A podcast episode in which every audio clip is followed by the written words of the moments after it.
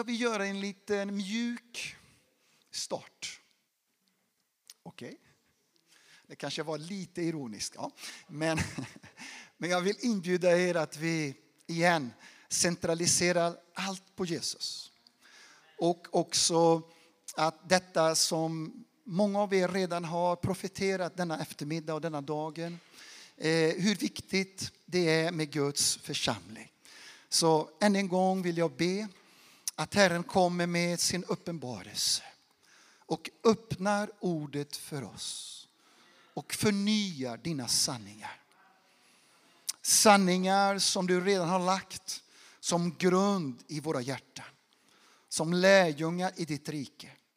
Men att igen på nytt kommer med din helige ande och smörjelse. Med glädje över oss alla. Så att vi får ta del vad du har för oss alla denna helgen. Genom din församling.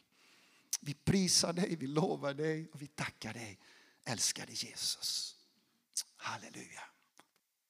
Eh, jag tänkte komma med en, eh, lite grann här om, som vanligt, vi börjar med Guds syfte.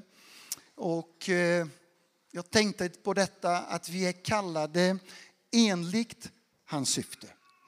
Och eh, jag tycker om att göra denna lilla resumé här. Att vi är kallade att vandra i och att leva i gemenskap med Jesus. Det andra är att vi, vi tillhör då Guds familj. Och därigenom att vi vandrar med Jesus och vandrar med varandra i Guds familj, hans församling, så sker det en process i denna lärjungaskap att vi blir mer och mer lik Jesus. Det är en fantastisk, spännande, underbar process som sker med våra liv. Att vi vandrar i gemenskap, vi tillhör Guds familj, vi blir, vi blir mer och mer lik honom. Och vi börjar förstå då Guds eviga syfte. Men inte bara detta, utan att också vi får börja tjäna, oj, får jag lära mig här. Vi får börja tjäna i Kristi kropp med hans gåvor, med hans smörjelse. Vi får upptäcka, vi får identifiera, kan man säga så, vad Gud redan har lagt ner i var och en av oss.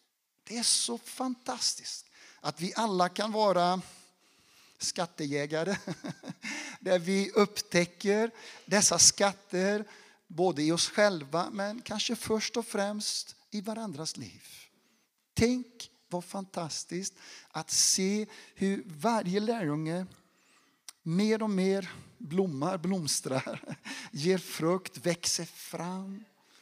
Och vi kan se vilken rikedom det är i var och en av oss som Gud har lagt ner. Och då kommer vi fram till att vi är också skapade för ett, ett specifikt uppdrag eller mission och uppgift här i världen. När vi linkar Romarbrevet 8, 28, där det står att vi vet, jag tycker om en översättning som säger så här, med all säkerhet. Vi vet med all säkerhet att allting för de som älskar Gud samverkar allt till det bästa för dem som är kallade efter hans eviga beslut. Hans beslut, hans syfte. Vi är kallade då efter hans eviga syfte. Men om vi linkar Romarbrevet 8, 28 med Efesierbrevet 3, 10 och 11. Där det står att genom församlingen, genom församlingen så har Gud kallat oss inför denna världens härskare och makter att genom Jesus Kristus har Gud beslutat att manifestera sitt eviga beslut, sitt eviga syfte för var och en av oss genom detta. Så det är inte bara någonting som är individualistiskt eller bara tänkande på mig själv. Utan det är någonting som vi får se att församlingen har ett uppdrag.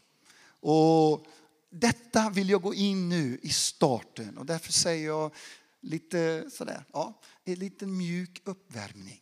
Att vi börjar på samma nivå tillsammans. Vad Gud vill med oss som del av hans församling. Så jag vill gå in i detta, församlingens uppdrag och församlingen då på uppdrag.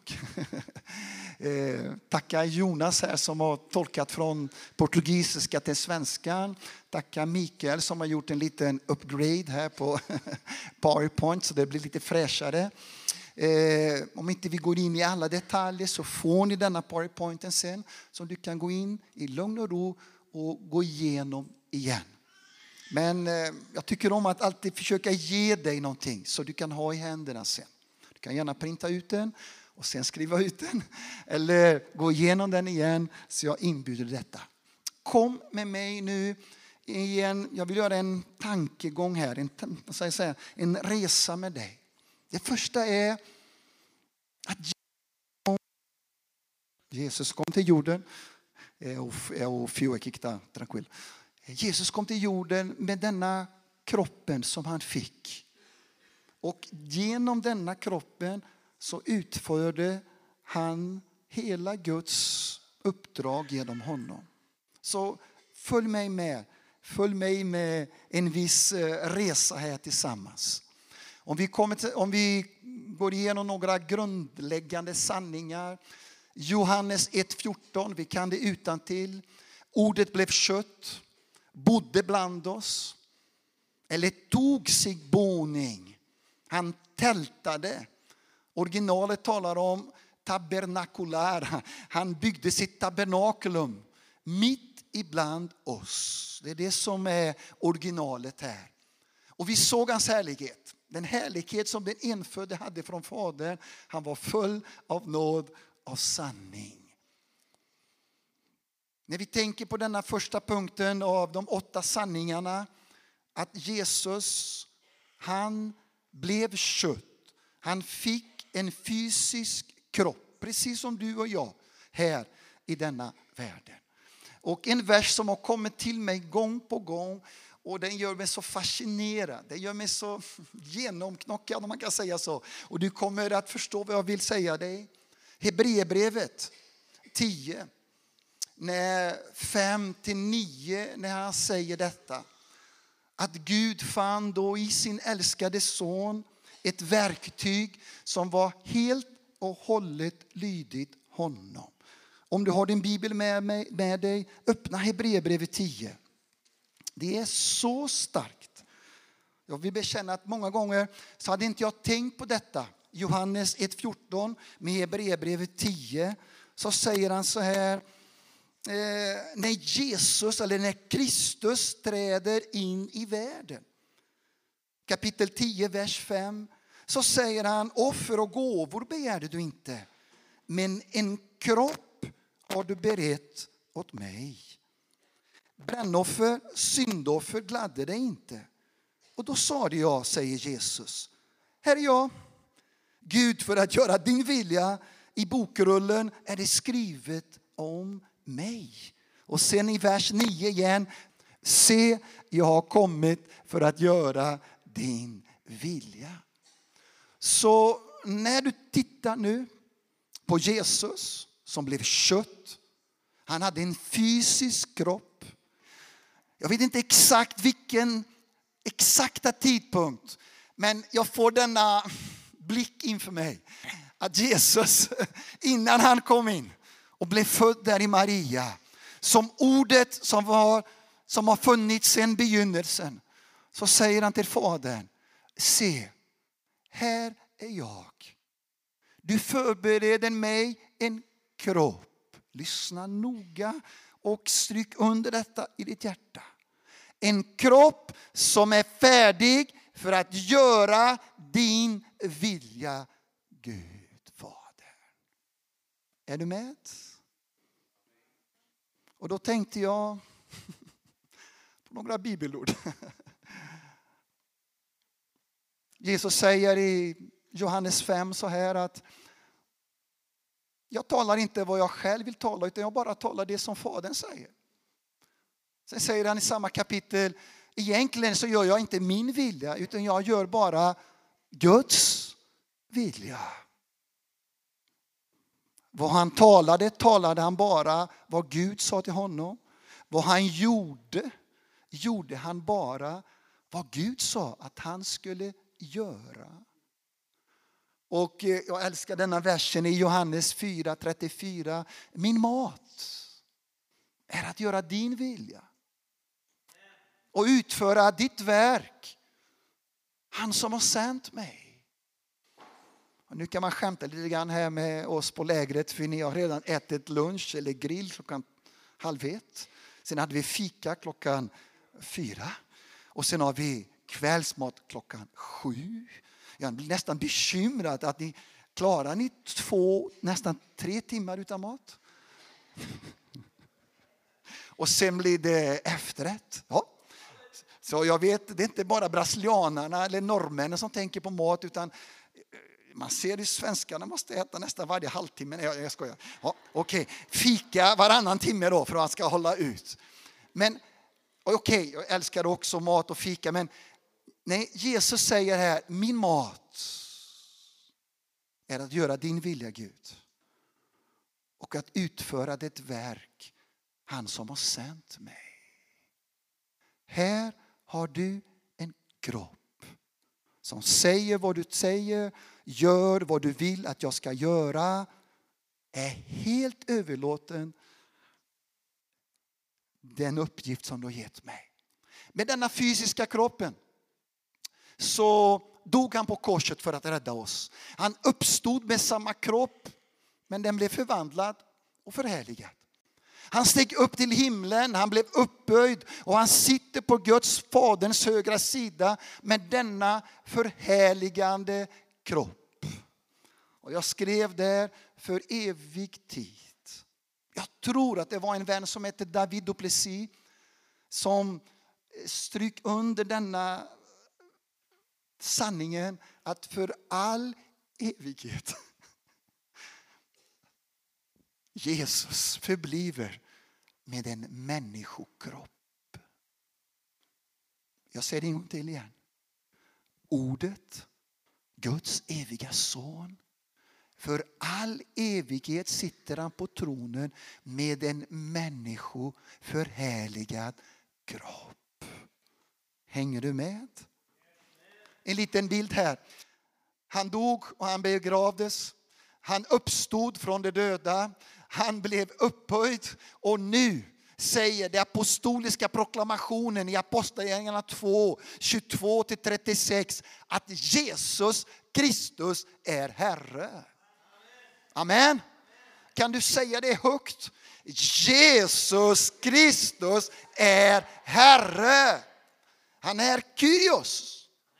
Och detta betyder då om vi översätter på svenska, han är vår ägare, han är vår innehavare, han är vår chef, vårt överhuvud, vår härskare, makthavare. Översatte här Jonas. Och sen bara detta lilla goa här. Han är den högste och obestridlige auktoriteten.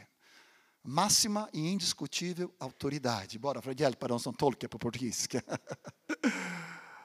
Det låter så svenskt detta. Kan du säga amen? Åh, vad skönt. Vi har en kung som heter Jesus. Han är Herre och han sitter på tronen. Han regerar för evighet. Ingenting sker eller händer utan hans koll. Han har koll på allt. Var trygg, var lugn. Jesus Kristus är vår Kyrios, vår ägare, innehavare, chef, överhuvud, härskare, makthavare. Och jag säger en gång till, den högste och obestridliga auktoritet. Har du gett ditt liv till honom på detta sättet? Detta är att bli frälst. Detta är det underbara evangeliet om riket. Jesus kom till jorden med en väldigt tydlig och klart uppdrag. Han, han förvirrade sig inte. Han hade ingen distraction. Kan man säga så? Distraktion? Ja, det är på svenska. Ja, ja. Han blev inte distraherad. Det finns vissa bibelord som säger att han hade sitt ansikte gjort som sten när jag gick klart och tydligt till Jerusalem. En man som visste vad han skulle ske i hans liv. Och detta rör med mig, detta griper mig. Jag blir helt knäckt. Han hade tydlighet, fokus på vad Gud ville genom honom. Människosonen har kommit för att söka upp och frälsa det som var förlorat. Med denna kroppen, igen säger jag, så... Kom han, kom han. Ja. Så då säger han Herrens ande över mig. Lukas 4, 18 och 19. Han har smort mig för att förkunna glädjens budskap för de fattiga. Han har sänt mig för att utropa frihet för de fångna, syn för de blinda, frihet för de förtryckta och för att förkunna, jag tycker om detta, ett jubelår från Herren. Befrielse, restoration på allt sätt i våra liv. Samma Jesus, vad gjorde jag nu? Det vet jag inte.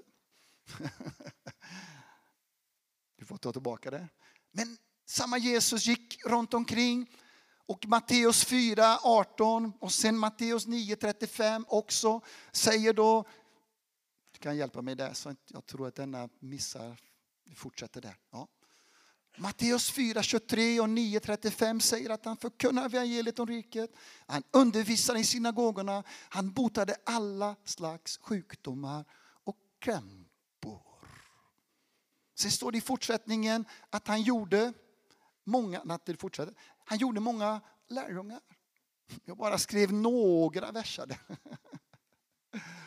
Men det som är så skönt det är att han går på samma sätt som han gjorde på den tiden så gör han nu idag också. Han säger kom, kom, kom, följ mig och jag ska göra dig till människofiskare. Samma Jesus som gick med denna fysiska kroppen, han idag säger på samma sätt till var och en av oss. Kom, jag vill göra dig till min lärjunge och jag ska då forma dig så att du blir en människofiskare. Det fanns inga dolda, motiv, eh, dolda eh, målsagenda utan var helt klar och tydligt. Om du är en Jesu lärjunge och du är detta tack och lov så vet du bara vad som kommer att ske med dig. Du kommer att bli en människofiskare. Amen. Samma Jesus då, eh, jag tror det är Apostlagärningarna 10.38 säger att han blev smord ifrån Gud. Oh, på samma sätt som Gud smorde honom och med den helige ande så gick han runt och han välsignade och han gick, gjorde gott och han botade alla som var i djävulens våld. Och första Johannes 3, 8 kommer med sådär gott uttryck. Han säger därför har människosonen manifesterats eller uppenbarats för att tillintetgöra, tror jag så, Satans gärningar. Det finns en, en översättning som säger det så här. Desatomisar, vad blir det på svenska? Explodera, en atomisk bomb. Fullständigt destruktiv djävulens gärningar. Det är därför Människosonen har manifesterat sig. Är du med? Halleluja. Fortsätt. Men nu vill jag göra denna parallell. Att Jesus har nu en annan kropp här på världen i jorden.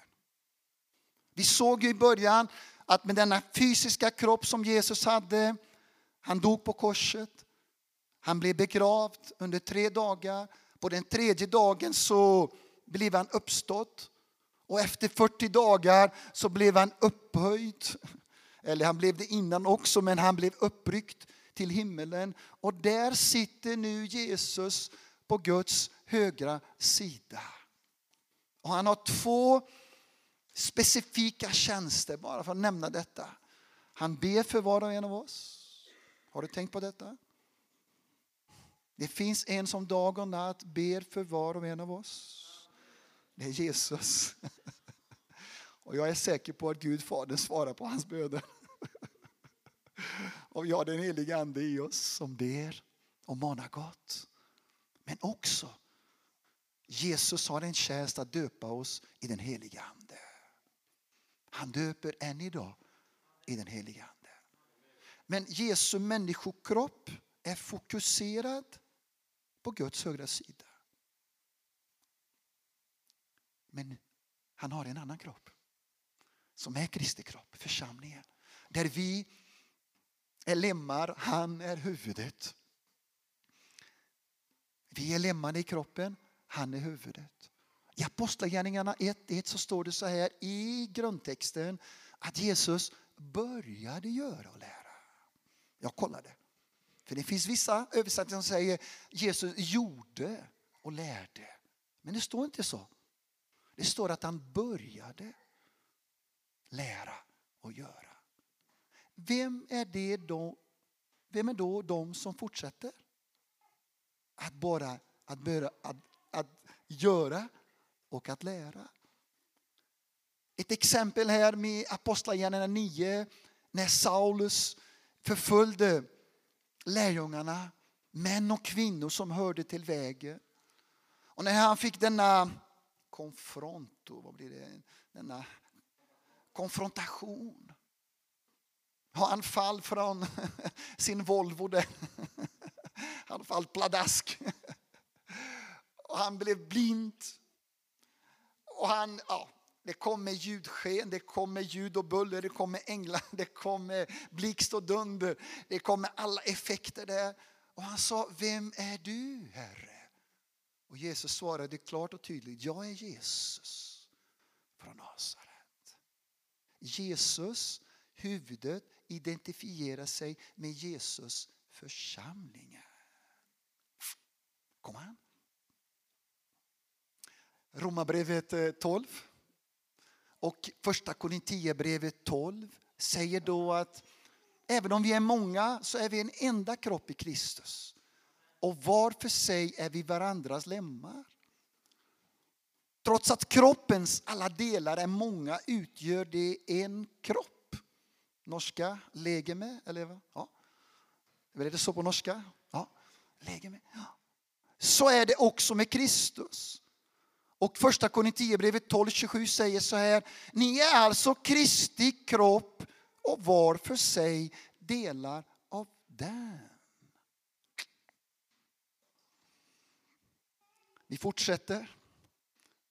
Både att linka Kristus mission och församlingens uppdrag. Kolla vad det står i Johannes första brev 4.17 i slutet på den versen. Sådan han är. Sådana är också vi i den här världen. Hade du läst den texten någon gång? Jag säger det en gång till för den är helt chockerande. Sådan Jesus är och var, sådana är också vi i denna världen. Och jag kollade på, jag tror det var Svenska kärnbibeln som säger precis så. Wow. precis så. Men vad betyder då att församling är på samma uppdrag som Jesus hade? Vi kommer ihåg att Jesus var helt fokuserad. Ingen distraktion. Hans hjärta, hans tankar, hans uttal, hans skräde och hans agenda var helt i överens med Fadern. Hela tiden under 33 år så hade Fadern och Sonen och den helige Anden glädje att se allt vad Fadern ville säga, tänka, utgöra så hade han en kropp förberedd som utförde Guds vilja. Idag vill Jesus fortsätta att fullborda sitt uppdrag här på jorden genom sin då andra kropp, sin församling. Vi är hans kropp, vi är hans fötter, vi är hans ögon, vi är hans mun, vi är hans öron, öron, vi är hans händer. Kan du titta på dina händer? Kan du titta på dina fötter? Mina är 46 år. Jag, blyg, jag blygdes för jag hade redan 46 när jag var 12-13 år. Men sen upptäckte jag i Jesaja 50 att det står så här 52. Hur ljuvliga är inte fötterna för dem som predikar Guds evangeliet. Och genom den texten Anton blev jag helad. Jag sa, kollade på mina 46 år. Brasilien är inte så vanligt att ha 46. Här i Sverige är det normalt. Men där nere är lite mindre fötter. Och jag var lite sådär skamsen över mina stora fötter. Tills jag upptäckte Jesaja 52. Hur ljuvliga, hur sköna, hur vackra är det inte de fötterna för de som för budskapet att Gud regerar. Där blev jag helad. Jag skojar inte, det är sant. Guds ord hela vårt inre. Men vi måste börja verkligen bli medvetna om att denna andra kroppen nu som Jesus fortsätter att lära och göra lärjungar, vinna människor, hela människor. Det är församlingen. Vi är hans fötter. Vi är hans ögon. Vi är hans händer. Jag vet inte hur mycket detta griper ditt hjärta. Men jag, igen säger jag bekänner, jag blir helt knäckt. Jag tänker, hur kan lilla Janne vara en del av Kristi kropp? Och hans händer är Jesu händer, hans fötter är del av Jesu fötter. Hans ögon kan se på samma sätt som Jesus ser. Hans öron kan höra på det sätt som Jesus hör. Hans händer kan vidröra och förmedla välsignelse, helande. Hans leende och hans ögonblick kan förmedla tro, hopp och glädje. Jag börjar gråta, jag klarar inte. Tänk vilket privilegium. Vi fortsätter. Genom denna kroppen, genom församlingen. Fortsätt inte. Bara kom i rad där. Så vill han fortsätta söka upp det förlorande, han vill närma syndarna, han vill besöka dem som lider, han vill förkunna de goda nyheterna om riket, han vill bota de sjuka, befria dem som är i djävulens våld, han vill trösta den som är i nöd. Pausa. Han vill betjäna de fattiga. Han vill mat till de hungriga nu. Och han vill främst och främst göra människor, kvinnor och män, till att bli hans lärjungar. Kan jag höra ett gott halleluja, amen? Halleluja. Detta eh, är tillbaka. En gång till.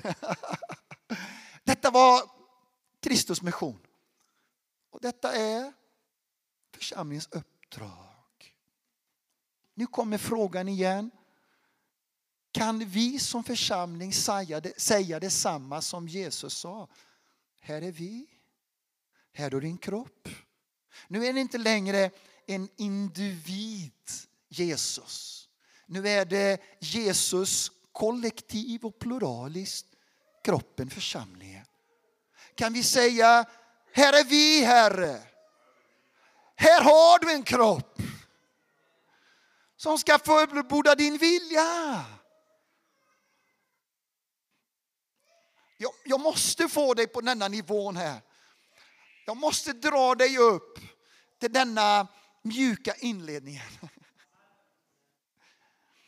Att vi blir helt överlåtna. Vad är det som jag får för mig? Jesus under sina 33 år, han strejkade aldrig. Han sa aldrig någon dag, idag Eh, vill jag inte. Eh, eh, jag känner mig inte bra. Jag har inte ätit hönökaka än och fikat. Jag behöver vila lite mer. Idag vill inte jag lyda det sådär i detalj, alla saker. Varför måste jag göra? Varför ska jag snickra? Varför ska jag vänta 30 år? Har du tänkt på det? Jag blir helt paj. Alltså jag skulle börja med tre år. Det är det normala. Man går på en bibelskola, tre år, sen är man färdig redan att bli predikant. Jesus tog 30 år. i det lilla i hemmet. Att lära sig ett yrke. Att vara, vara lydig sina föräldrar. Att invänta, lyssna in. Att, att känna Gud i det dolda, kan man säga så? I det intima. Tills det kommer en dag Nej, Fadern sa nu. Nu har Johannes döparen förberett och banat vägen. Nu kan du inträda. Men du måste bli döpt först. Alltså, men jag har aldrig syndat. Varför ska jag döpa mig? För att identifiera oss med honom. Och han sa du behöver bli fylld av den helige Ande. För allt vad Jesus gjorde, även om han var Guds son, men han var människosonen och allt han gjorde var genom den helige Ande. Men han strejkade aldrig någon dag. Han var aldrig lat. Han var hela tiden beroende. Och han var hela tiden lydig. I detalj. Aldrig var det något svårt, tungt, jobbigt. Han sa, här är jag Herre. Du har förberett en kropp. Problematiken, älskade vänner, kan vi säga samma sak om församlingen idag? Kan Gud se på församlingen idag och säga precis som Jesus? Aldrig lata, aldrig strejkade, aldrig distraherade, aldrig i sin egen komfort, i sin egen hobby och sin egen villa, vovve och vad var det mer? Volvon, ja, ja. Inget mot Volvo. Det är så roligt när jag anställer så många som kommer till Volvo, underbart. Många missionärer till Sverige. Men ni vet att jag skämtar lite grann. Det är Inget negativt. Men jag behöver att vi omvänder oss helt fullständigt i denna mjuka inledning. Här är jag. Här är vi. Här har du en kropp, en församling, lärjungar som är lydiga dig, lyssnar in till tilltal, är villiga att utföra din vilja. Gå, vandra där du säger, röra, hela, betjäna, driva ut onda andar, predika evangeliet om riket, undervisa, göra lärjungar, förmedla kärlek. Här är vi, Herre. Kan du göra så med mig? Här är vi, Herre. Här är vi, Herre. En församling, din kropp en liten del på jorden. I Kungsbacka, i Oslo, i Järbo, i Uppsala, i Storvreta. Var runt omkring. Lärjungar som är sammankopplade som ett uttryck av din församling som vill utföra din vilja här på jorden. Fyra uppdrag, eller fyra sanningar, kan vi säga så? I enlighet med Guds plan är inte detta uppdrag, detta uppgift för några få. Några exklusiva. Hur säger man detta på svenska? Kasta. Eh, en slags överklass. Ett elit. Präster. Dompräst. Predikant. Missionärer. Proffs vi måste erase, totalt, fullständigt göra en reset, en igen. Vi, vi starta om. Det första då, det är att vi alla, varje troende, varje frälst, varje född på nytt, varje lärjunge är en Guds präst. Är du med på det? Första Petrus 2 säger så här att vi är ett utvalt släkte. Vi är ett konungsligt prästerskap.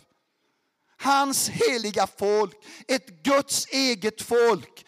Vi tillhör Gud helt och hållet, står det. Åh, oh, halleluja. Men det finns för ett uppgift, för att förkunna. Vi är hans folk, vi är ett rike av präster, vi är ett rike av profeter, vi är hans eget folk, ett släkte, Guds eget Han har ägande, äganderätt. Vi tillhör oss inte längre själva. Vi är Guds folk. Men häng med då. För en uppgift, står det här. För att förkunna, för att proklamera hans storverk, hans härliga gärningar. För att berätta för andra hans fantastiska egenskaper. Kan du klappa på ditt hjärta och säga, jag är kallad. Jag är en präst. Jag tillhör Guds folk. Jag har en mission. Jag har ett uppdrag. Det är samma uppdrag som Jesus hade. Att förkunna Guds faderns härlighet. Halleluja. Vi kommer gå in på söndag mer om detta. Nästa. Det andra är då att alla de heliga är kallade till tjänst. Alla de heliga är kallade till tjänst. Inte några. Förr i tiden så vissa speciella då som hade en Guds kallelse till att gå på missionen eller gå som evangelist eller predikant eller bli avskild för att tjäna Gud, gå på bibelskola. Okej, okay och då frågar man, har du en kallelse? Ja, ja, absolut. Men de andra då? Nej, min kallelse var med på möte. Ja, det är bara hänga med. Men det är helt, helt bortom flötet alltså. Hur tolkar man detta på portugisiska? Ta fora da casinha. Det, det, det är mycket mer än detta. Efesierbrevet 4.12 säger för att utrusta det heliga till att fullgöra sin tjänst och bygga upp Kristi kropp. Och jag skrev ner där att vi gör medvetna om varje lärjunge, varje nyfödd kristen, varje troende. Eh, detta medvetenheten, kan man säga så på svenska?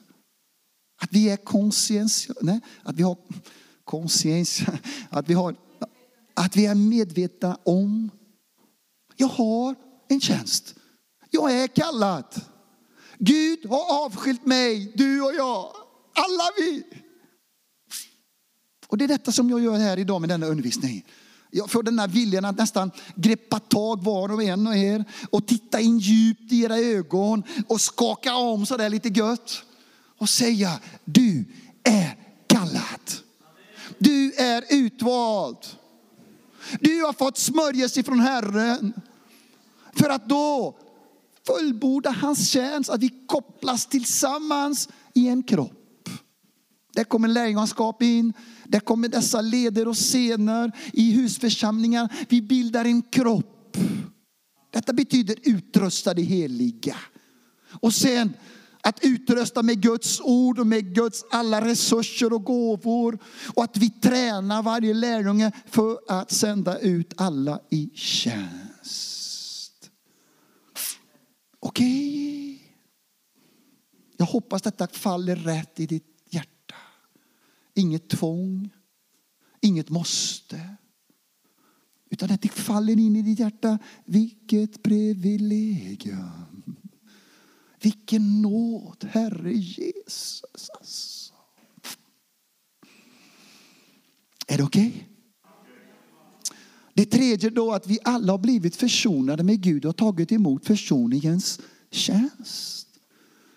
Andra Korinthierbrevet 5, 18-20 säger så här att allting kommer från Gud. Bara denna inledningen är ju knockout.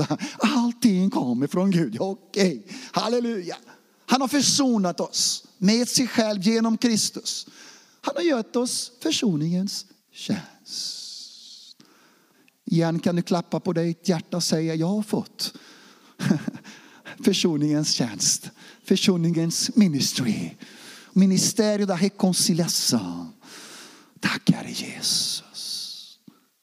Och när vers 20 fortsätter, han har anförtrott oss försoningens ord. Och vi har alltså blivit hans sändebud. I originalet hans ambassadörer. Det är inte små potatisar.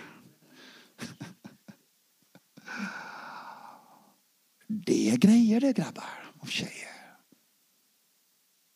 Om inte jag minns fel, både Billy Graham och både David Duplessis blev kallade för att bli ambassadörer i, från amerikanerna, deras regering. Och båda två, Declino sa, sa nej då. Va? De sa nej, nej det, det, är inte någonting för mig att bli en ambassadör för Amerika eller för USA. Det är för lite. Jag är redan Guds och konungarnas konung, ambassadör. Både Billy Graham under flera regeringar och också David Duplessis, Mr Pentecost. Båda två.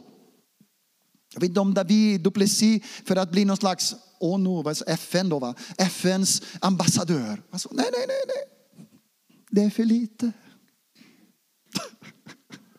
Jag tror var och en av oss skulle bli så här, oh, wow, yes! Äntligen har de erkänt mig och min tjänst. Ja, ja, vad gott detta. Ja. Men istället för att bli så, så sa de, jag är redan kallad. Jag, har redan, jag är redan upptagen. Jag är konungarnas konung, sändebud och ambassadör. Nu måste du säga halleluja. Ah, vi får värma upp. Kan vi säga en gång till? Halleluja! Vilket privilegium! Halleluja! Den fjärde sanningen det är att varje gren i vinträdet får ge frukt. Kan jag profetera över ditt liv? Vill du få en personlig profetia, Michael? Vet du som redan har börjat med ditt liv? Det är redan inte bara kommer att ske, men det redan sker. Det är, kom an, det är att du ger frukt. Sen kommer det mer frukt. Sen kommer det rik frukt. Och sen kommer det ännu mera frukt som består. Får jag ge dig denna profetia? När du tittar i spegeln och gör din raka dig eller gör ordning manikuren eller, eller pedakor. Ja, vad säger man? Ja, sminka sig, ja, ja, gör ordning. Så bara profeterar du varje gång du borstar tänderna. Eller efter då, för det gör det samma går lite svårt. Men okej, okay. frukt, mer frukt, rik frukt och frukt som består. Detta är min framtid. Detta är vad Gud säger till mig. Människor som kommer bli vunna genom mitt liv. Husförsamlingar, lärjungar som kommer bli vinna, som kommer få komma till frälsning och bli sammankopplade och kommer att bli fundamenta i dig, Kristus Jesus, genom mig. Och det kommer att bestå. Och det kommer ge frukt på andra platser, andra städer, andra orter, andra länder.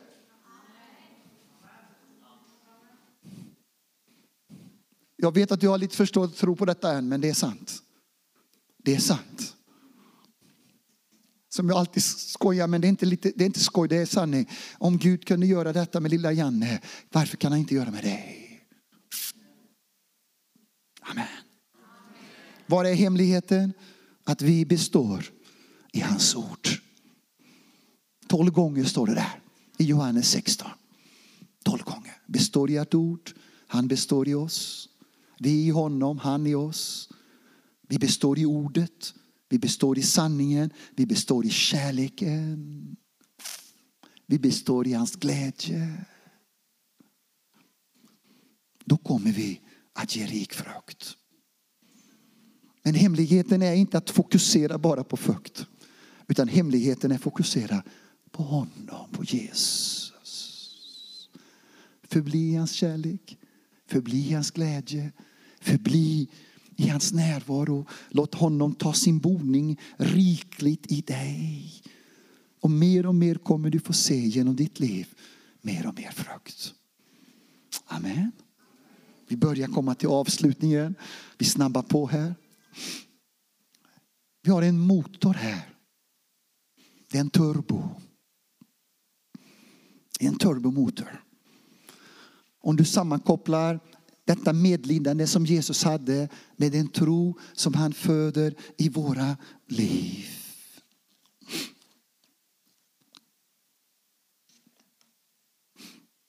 Compassion.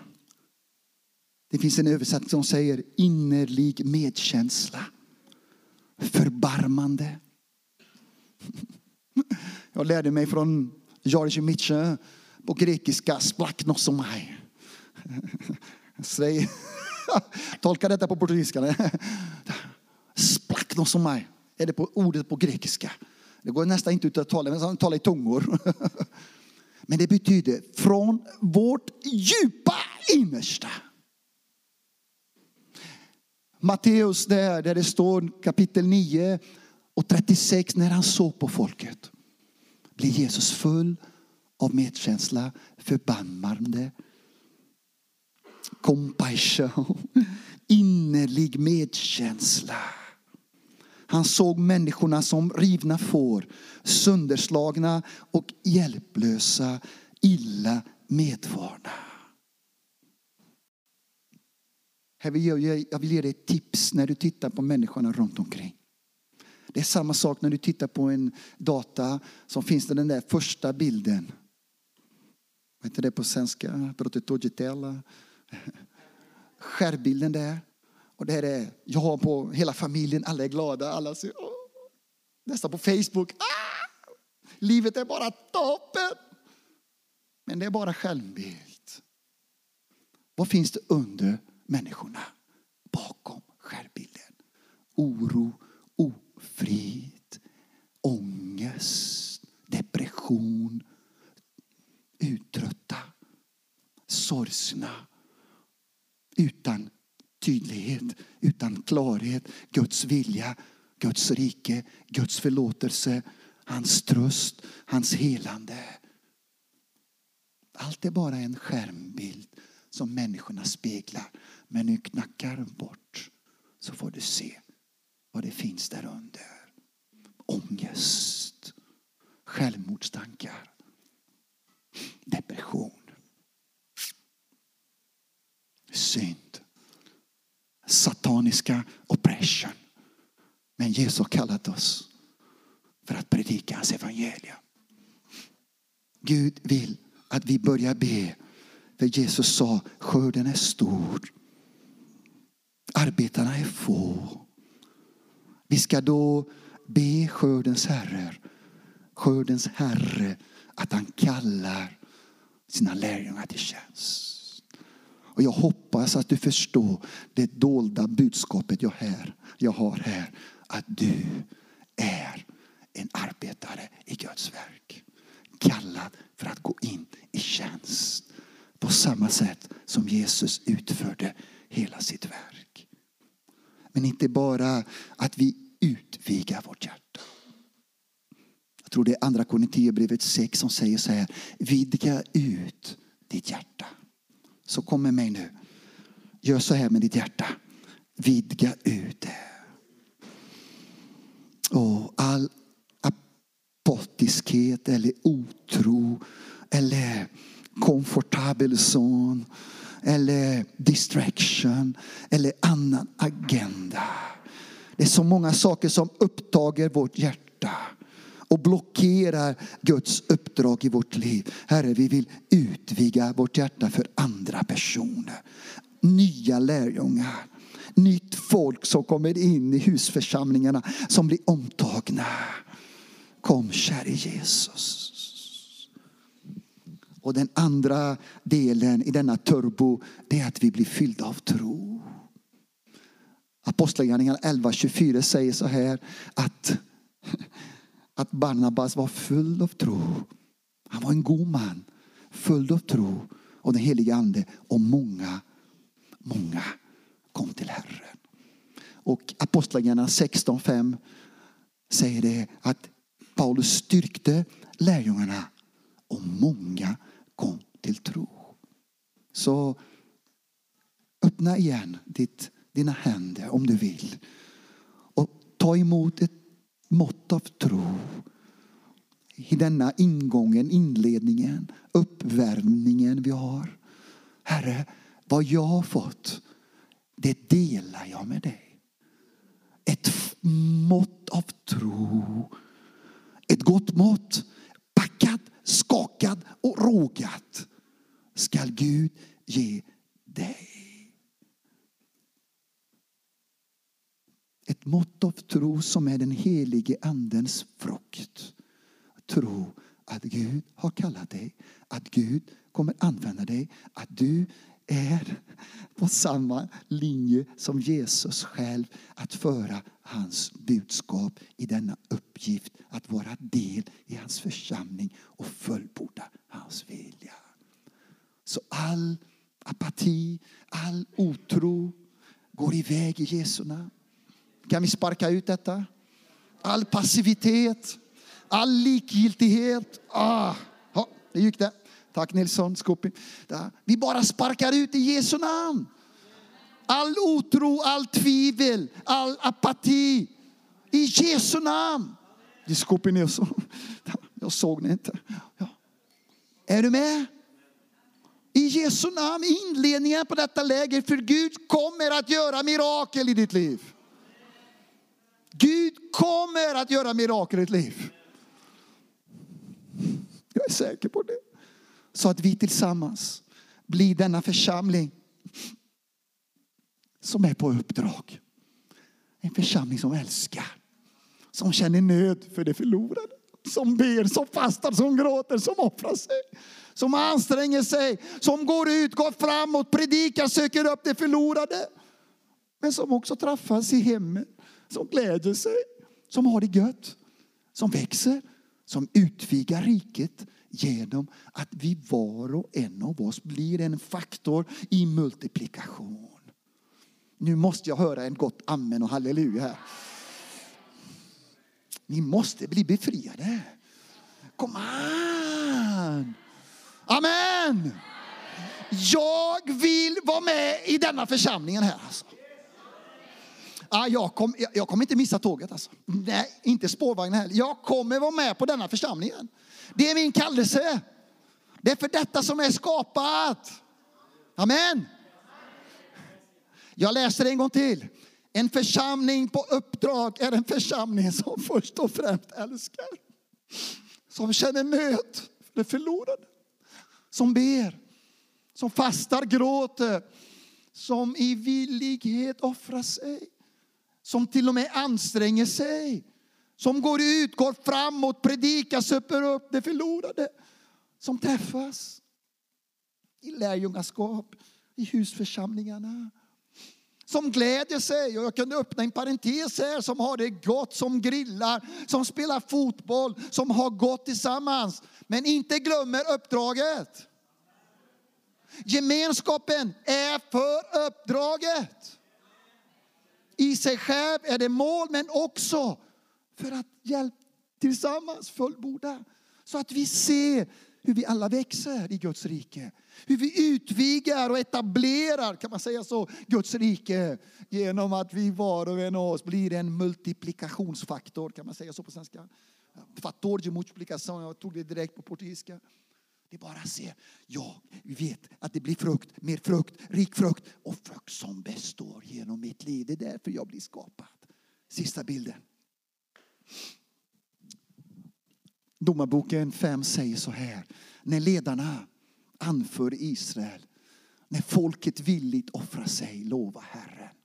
Mitt hjärta tillhör förstarnas, Israels förstar och den bland folket som villigt offrar sig, lova Herren. Och psalm 110, 3 kommer med en sång. Villigt kommer ditt folk när du samlar din här. I helig skrut kommer din unga skara. Kom an Jonathan. Unga skara. Yes! Kom an! Unga skara! Kom an! Modiga män, modiga grabbar. Om du vill vara med, res dig upp. Om du vill. Du behöver inte alltså. Men du får vara med. Du får gärna hänga med. Villigt vill vi stå upp, Herre. Och vi lyfter våra händer och vi offrar oss inför dig. Vi kommer som din församling på detta sätt. I ditt uppdrag i helig skrud kommer din församling på samma sätt som dagen kommer upp i morgonrådnadens sköte, Herre Jesus. Vi lovar dig, vi prisar dig, vi ärar dig med denna inledningen här idag. Tänk vilket privilegium vi har. Vi prisar dig, älskade Jesus. Jag ska inte missa detta. Absolut inte mitt liv. Jag vill vara med. Jag vill tillhöra. Och även om det kan vara svårt ibland med tankar i mitt inre vet jag i mitt djup att du har kallat mig till detta och det är detta som jag vill av min innersta hjärta, Herre Jesus. Tack sköne Jesus, för du har en kropp här på jorden som ännu idag, även i Sverige, även i Norge, i Brasilien, i Albanien, överallt, här i Jesus, i Indien, var än du kallar oss. En kropp som utför din vilja i Jesu namn. Amen och amen.